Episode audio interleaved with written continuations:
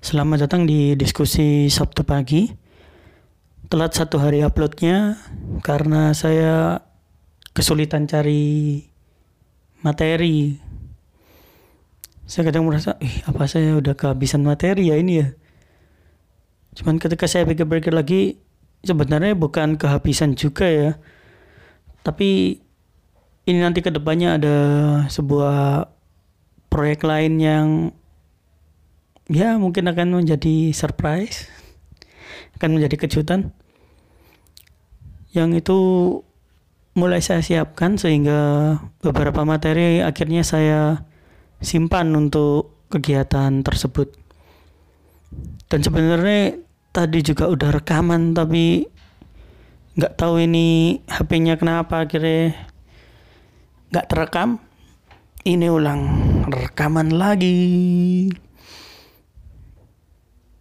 Nah dari kebingungan saya cari materi untuk minggu ini tuh saya merasa tiba-tiba.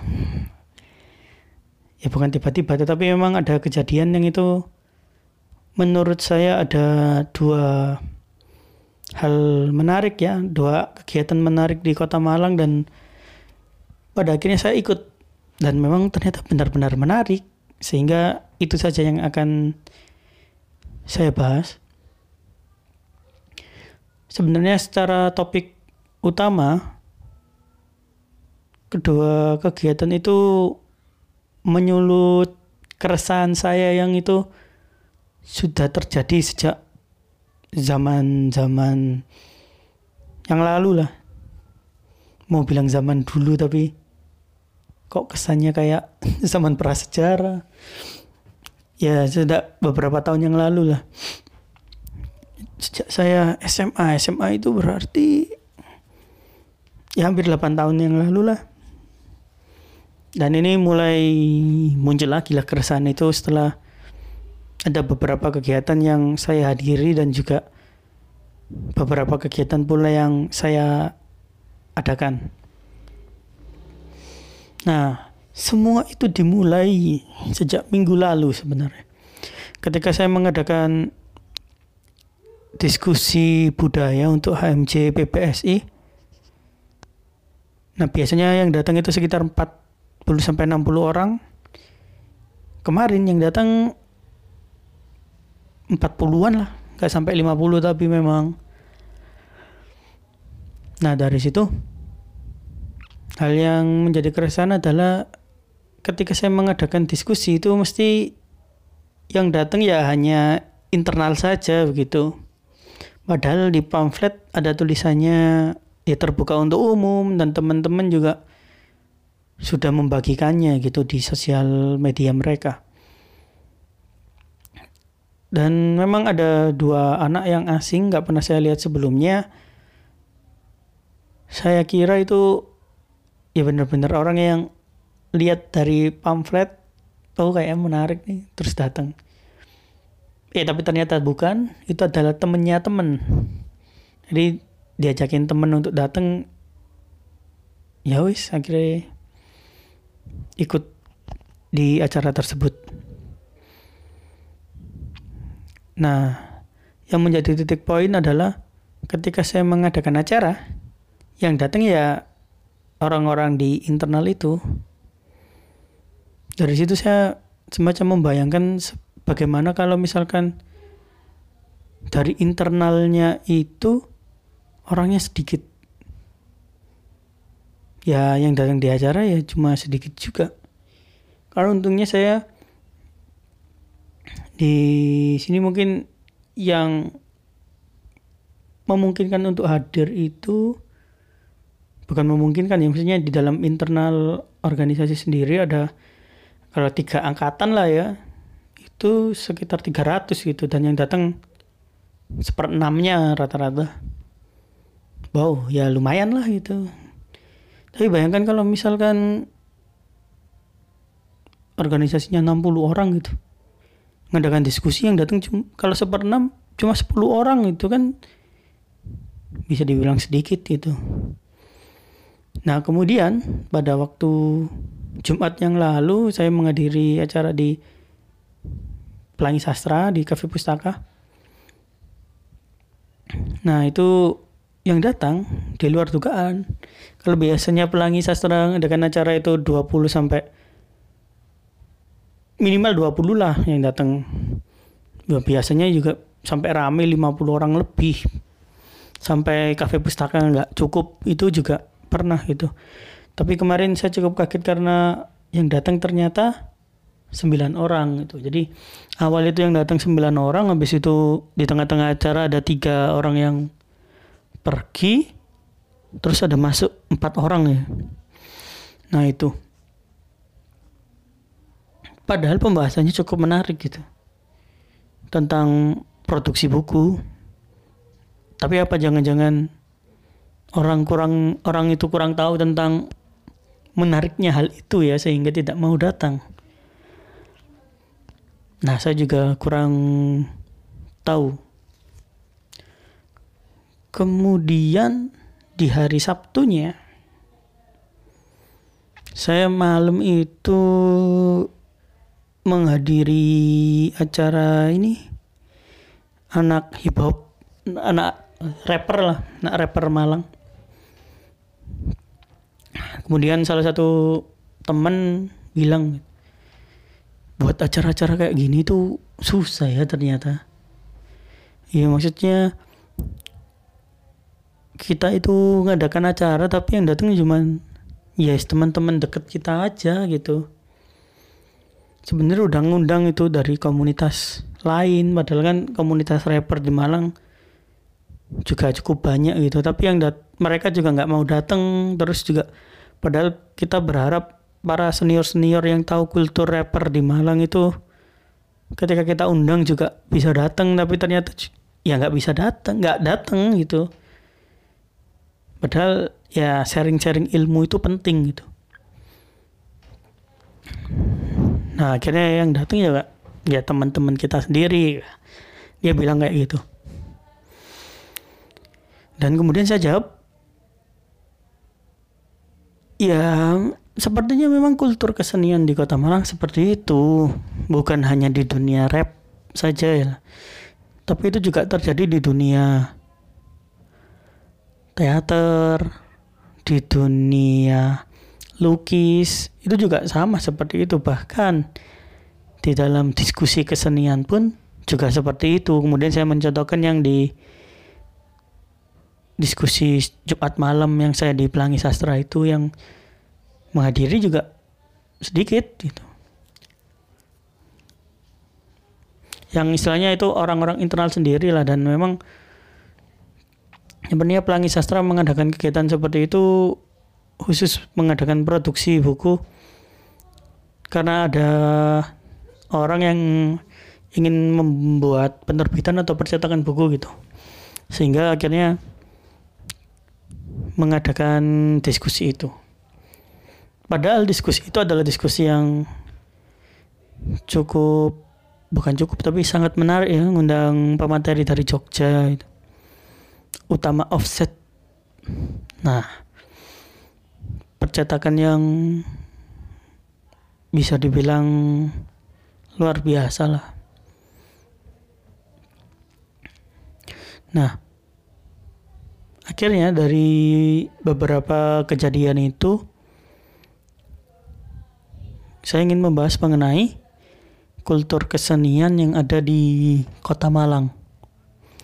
Jadi kultur kesenian di kota ini ya seperti tadi istilahnya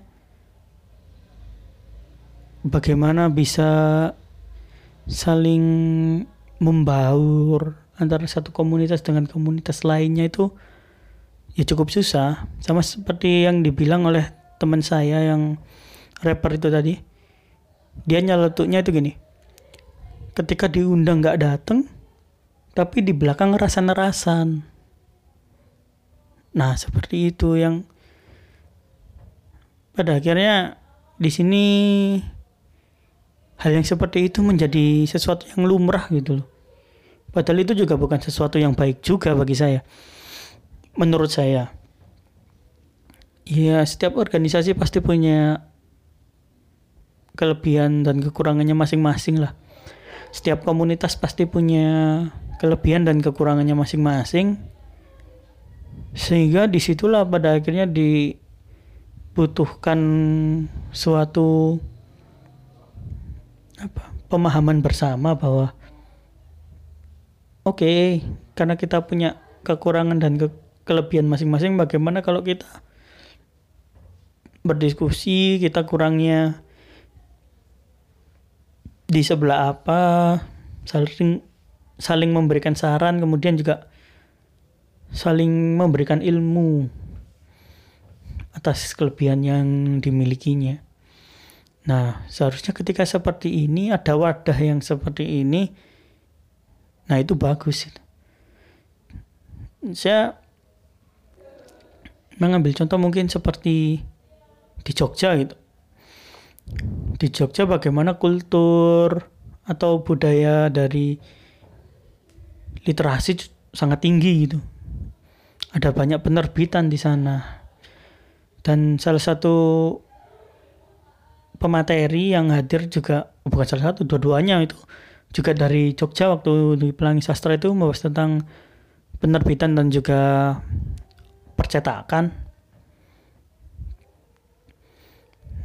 dan mereka seperti ingin membagikan ilmu-ilmunya bahkan salah satunya Aan Mansur gitu dia datang dia semacam komunitasnya An Mansur pada tahun 2002-2003 itu ingin menerbitkan buku lah di sana di Jogja itu kemudian orang Jogja setelah satu dua kali tiga kali lo kok ternyata si komunitasnya An Mansur ini masih ingin terus-terusan gitu cetak di sana sehingga pada akhirnya yang dari orang Jogja lo kalau mau nyetak terus ya Gimana kalau ngirimkan satu orang dari komunitas itu, komunitas di Makassar itu, untuk datang ke Jogja belajar bagaimana proses percetakan sehingga bisa mandiri, bisa tidak tergantung lagi kepada pihak penerbit atau percetakan yang ada di Jawa. Kemudian Aan Mansur dikirim, dia yang pada tahun 2002 atau 2003 itu datang ke Jogja belajar mengenai percetakan. Nah, pada akhirnya kan di sini ada kultur di mana saling berbagi ilmu. Dan ini yang seharusnya di Malang harus ada yang seperti ini. Kemudian sel, ya terus juga di Jogja juga berkembang sekali banyak komunitas-komunitas ataupun penerbitan buku misalnya bahasa basi kemudian juga mojo ada di situ atau mungkin komunitas-komunitas seperti berdikari yang itu buku aki yang itu berjualan buku online itu. Nah ada yang seperti itu kultur literasinya sudah dibangun dengan sangat baik.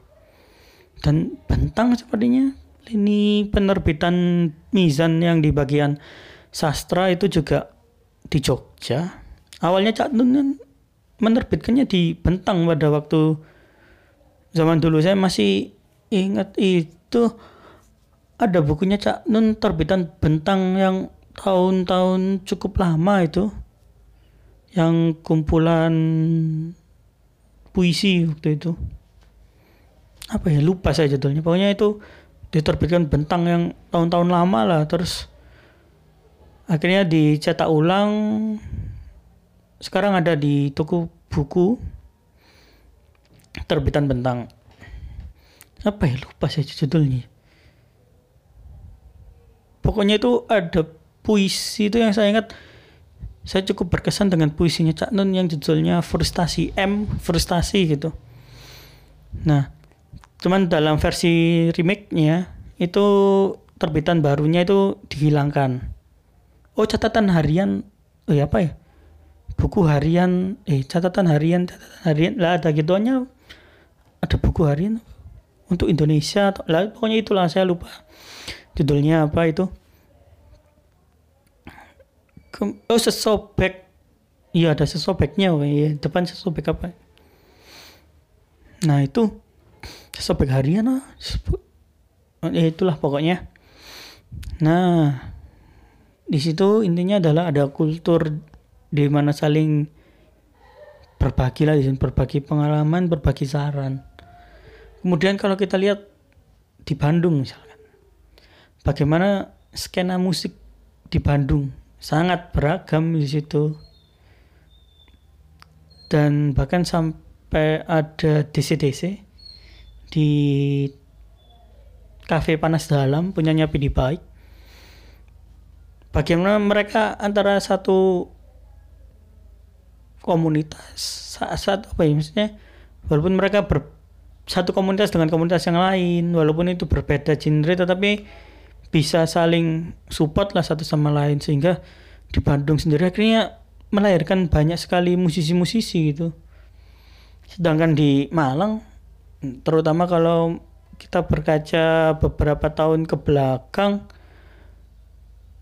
ya tidak ada seniman yang lahir gitu di dari kota Malang. Ya itu hal yang cukup meresahkan sih berada di kultur kesenian yang seperti ini. Bahkan temen ada yang bilang waduh kalau mau jadi seniman itu jangan di Malang. Mending ini dah lanjutin kuliah di Jogja atau di Bandung atau sekalian di Jakarta gitu. jangan di Malang nanti malah buat kesenian ini. Wah komunitasnya sendiri seakan-akan mengagung-agungkan padahal nantinya ketik eh, bukan komunitasnya sendiri mengagung-agungkan tapi di komunitas lain pasti akan menjelek-jelekkan. Nah seperti itu ya contohnya misalkan buat inilah. Pameran lukisan itu. Nah buat pameran lukisan nanti pasti akan ada golongan yang itu akan memuji-muji. Tapi nanti pasti ada ada golongan yang itu menjelek-jelekkan dan yang menjadi permasalahan adalah kenapa tidak bisa memandang semuanya secara objektif saja gitu. Kalau memang baik ya kita katakan baik. Jika memang jelek ya kita katakan jelek gitu loh. Jadi ketika ada objektivitas di sana akhirnya ada keinginan untuk membuat lebih baik lah karya itu tetapi ketika kita berada di dalam fase yang itu samar itu penilaian yang samar ini ekstrim kanan memuji ini ekstrim kiri menjelekkan. Loh ini sebenarnya karyanya seperti apa pada akhirnya? Apakah memang bagus atau jangan-jangan jelek? Lah kita tidak tahu akan hal itu. Nah harus ada seseorang yang mungkin bisa menilai secara objektif gitu dan juga nggak boleh baper tentunya. Karena biasanya juga ketika dikritisi oh ini kurang gini-gini kadang ya beberapa orang malah wah bodo amat lah ini kan karya saya gitu. Ya ada gerundelan-gerundelan seperti itu. Nah itu tadi contohnya di dunia lus musik gitu. Itu musik di dunia lukis itu di dunia yang lain di Malang saya rasa juga seperti itu. Saya tahu dulu itu teater gitu misalkan. Teater itu juga ya sama kayak gitu misalkan kelompok A tampil gitu. Biasanya yang nonton juga dari kelompok-kelompok A sendiri itu teman-teman dekatnya. Kelompok B ngadain kegiatan gitu pementasan gitu yang datang juga teman-temannya dari kelompok B aja gitu. Tapi kalau misalkan ada kelompok A misalkan ngadakan kegiatan gitu kelompok B misalkan ada beberapa yang mau datang. Lah ketika mereka datang mereka bukan untuk menikmati gitu pada akhirnya tapi untuk mengkritisi kemudian di belakang menjelek-jelekkan. Seperti itu. Dan ini ya kultur yang tidak sehat tentunya. Ada hal yang seperti itu. Bahkan di Malang itu dunia literasi pun aja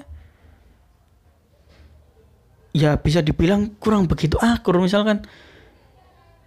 Oh ini anu sampai ada yang dibilang itu oh anteknya perpus. Oh di dunia literasi sendiri ada sampai bilang anteknya perpus ada yang indie ya indie ya. bukan lapak secara mandiri kemudian ada yang bilang ya tadi bilang anteknya perpus lah yang apalah. Kemudian ada juga rumah baca yang itu menjadi pro kontra. Maksudnya di kelompok ini bilang wah rumah baca itu loh bagus gini gini di komunitas lain bilang oh itu wah apaan itu jelek itu wah, uang mulu. Banyak seperti itu itu ketika kita berbicara mengenai kultur kesenian di kota Malang itu padahal ya tujuan kita berkesenian ya semuanya baik gitu tapi ketika sudah banyak dan saling menjelek-jelekkan itu ya semuanya menjadi salah gitu. Itu tetapi maksudnya kalau di dunia literasi masih mending lah maksudnya lapakan baca rumah baca masih mending sih. Mereka bisa kumpul-kumpul antar maksudnya beda komunitas masih bisa ngumpul gitu loh. Beda sih. Kalau di dalam kultur kesenian yang benar-benar seni gitu. Seperti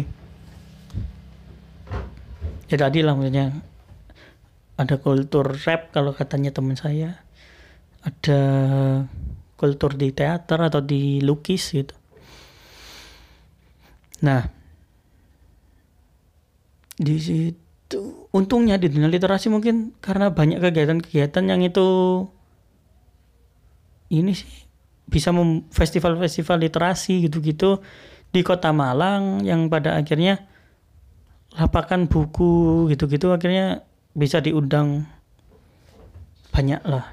Bisa dibilang banyak penerbit juga gitu saya tahu waktu pacar merah kemarin ya pacar merah itu dari pelangi sastra akhirnya mendata semua penerbit yang ada di kota Malang kemudian diajak untuk berkolaborasi bersama.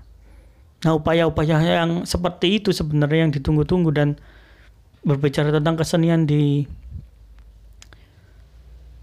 kota Malang sepertinya dibutuhkan toko yang itu bisa menyatukan itu. Sih. Bukan tempat untuk menyatukan tempat relatif ya tempat nongkrong bareng itu ya relatif. Inilah ya penting juga tetapi sebenarnya yang lebih penting adalah toko sih toko yang bisa menyatukan itu. Misalkan kalau misalkan saya mengambil contoh dulu di Malang ada Ratna Indraswari Ibrahim itu. Dan semua saya istilahnya gak jamani lah.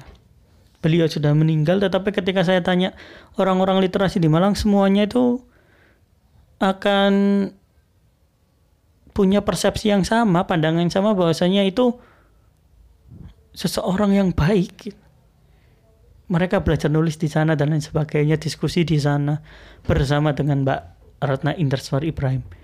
Oh iya dan minggu lalu sih saya waktu ngadakan kegiatan sepertinya ini putrinya Mbak Ratna Indarswari Ibrahim datang juga itu saya sendiri cukup kaget waktu itu. Uh, apakah Mbak ini lihat pamflet kemudian datang atau seperti apa? Dan belakangan saya baru tahu ternyata ibunya menemui pemateri waktu itu menemui Bu Ambar. Nah, tokoh itu sih yang dibutuhkan saat ini mungkin. Dan berbicara mengenai tokoh ini juga cukup sulit sih. Karena kadang itu orang-orang tuh suka rasan-rasan di belakang gitu loh. Atau mungkin misalkan di dunia literasi gitu. Ada orang yang mungkin di Malang sekarang seakan-akan menjadi kiblat literasi gitu ya. Tapi nanti pasti ada gitu di belakang yang muji banyak itu. Tapi juga ada juga aja maksudnya yang menjelek-jelekkan dan itu juga tidak sedikit gitu. Ada yang kontra itu juga tidak sedikit lah. Hal yang seperti ini loh yang apa ya bisa dibilang harus ada tokoh yang itu bisa benar-benar diterima oleh semua kalangan itu.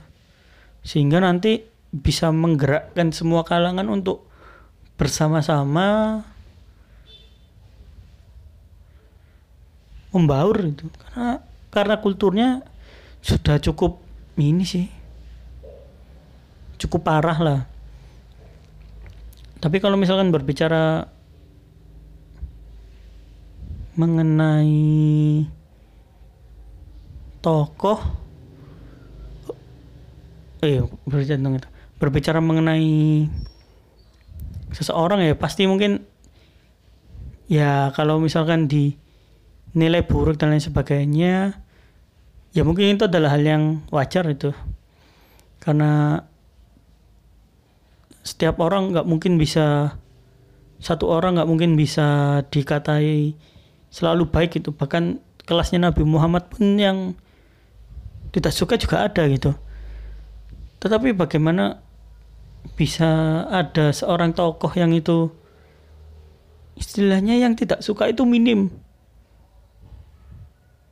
Nah itu kalau cari di Malang kok kayaknya susah ya.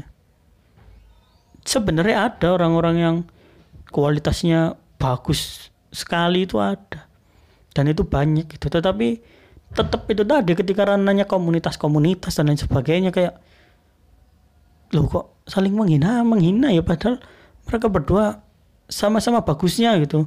Bagaimana kalau misalkan mereka bareng-bareng kemudian diskusi buat sebuah pagelaran yang bagus gitu kan wow pasti hasilnya kan menjadi luar biasa ketika dua hal bagus digabungkan maka akan menjadi dua hal luar biasa bagus. Nah, itu berbicara mengenai kultur kesenian di Kota Malang.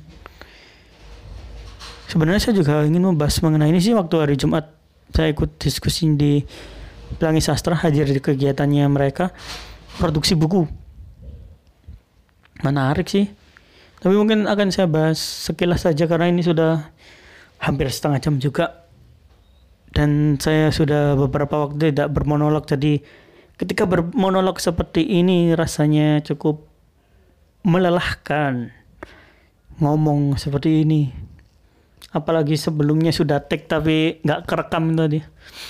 Nah sekilas saja ya menjelaskan bahwa proses menjadi buku itu ada semacam ide dari penulis penulis mulai benar-benar menulis pro pengerjaan naskah lah.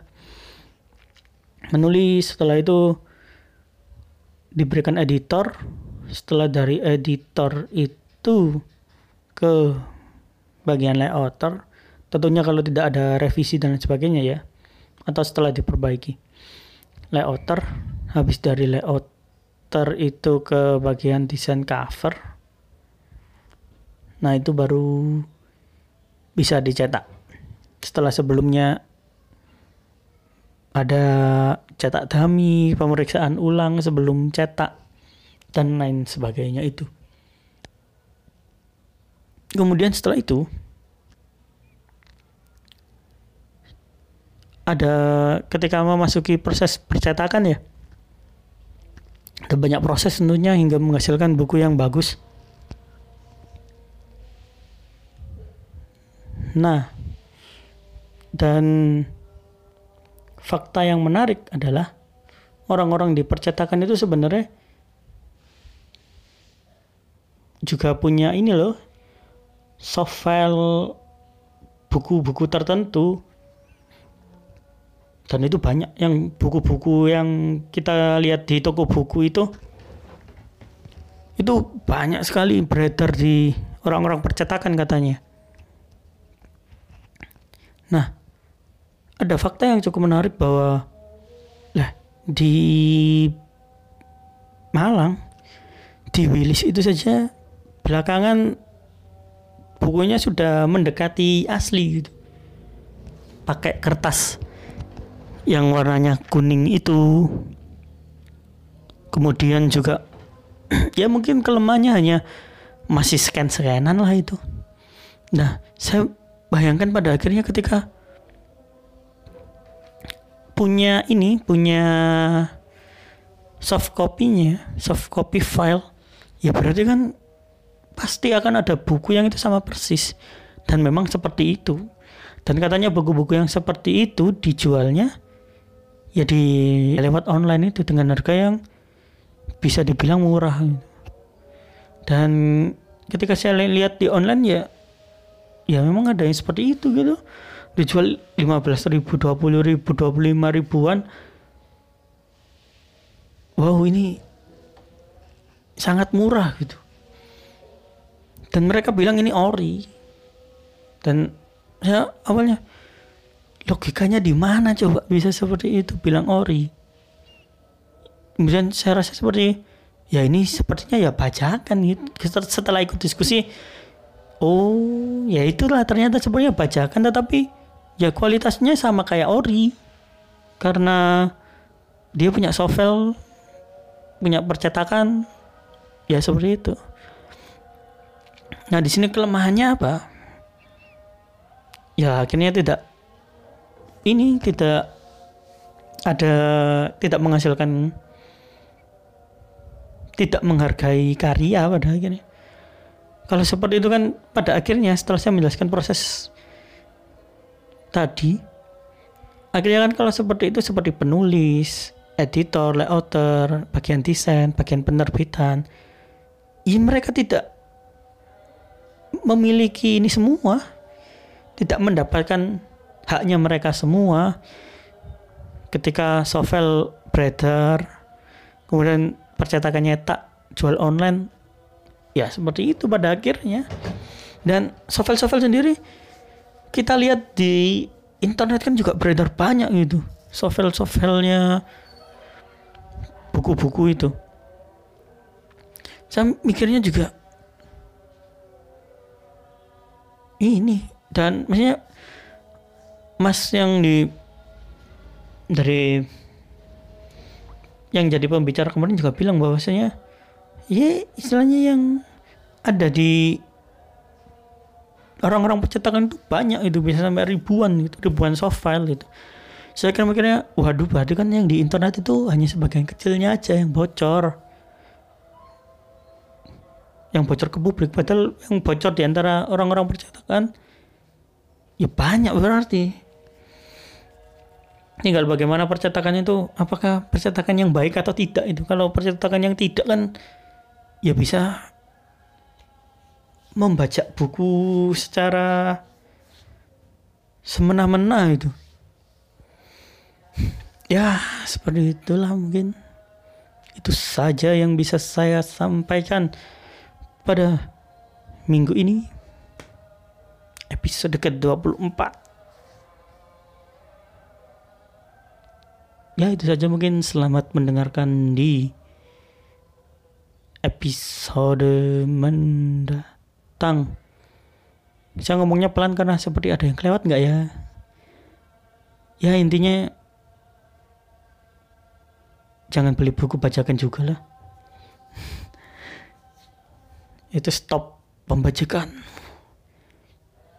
Dan saya rasa masyarakat Indonesia sudah mulai melek lah terhadap hal itu. Misalkan aja sekarang sudah banyak orang yang lebih memilih untuk menonton di bioskop ketimbang download di LK21 lah ini kan kesadaran akan melek karya lah melek hak cipta menghargai karya dan saya rasa hal itu juga dibarengi dengan tumbuh pesatnya orang-orang yang ingin jadi youtuber. Ketika ada YouTube akhirnya orang lebih punya effort untuk mencoba berkarya gitu. Sehingga ketika orang itu punya keinginan untuk mencoba berkarya, sehingga pada akhirnya mereka mengalami kesulitan-kesulitan dalam berkarya dan lain sebagainya. Lah di situ akhirnya dia bisa merasakan apa yang pekerja seni itu rasakan, bagaimana sulitnya dan lain sebagainya sehingga mereka akan lebih menghargai setiap karya yang ada. Entah itu film misalkan dengan menonton film di bioskop, kemudian musik yaitu dengan mendengarkan di platform-platform yang itu legal, tidak yang download secara ilegal tapi dengerin di Spotify, Joox, atau bahkan di YouTube. Kemudian kalau buku ya belinya yang resmi dengan harga yang logis, ya seperti itulah. Ada hal menarik sih sebenarnya juga yang kemarin itu. Pemateri bilang waduh gimana ya kalau misalkan di Indonesia itu royalti bukan hanya untuk penulis tapi seperti di luar negeri royalti itu untuk editor desain cover seperti itu. Nah ketika seperti itu kalau pemateri bilangnya ya ini harga buku bisa jauh lebih mahal lagi gitu. Ya saya nggak tahu sih.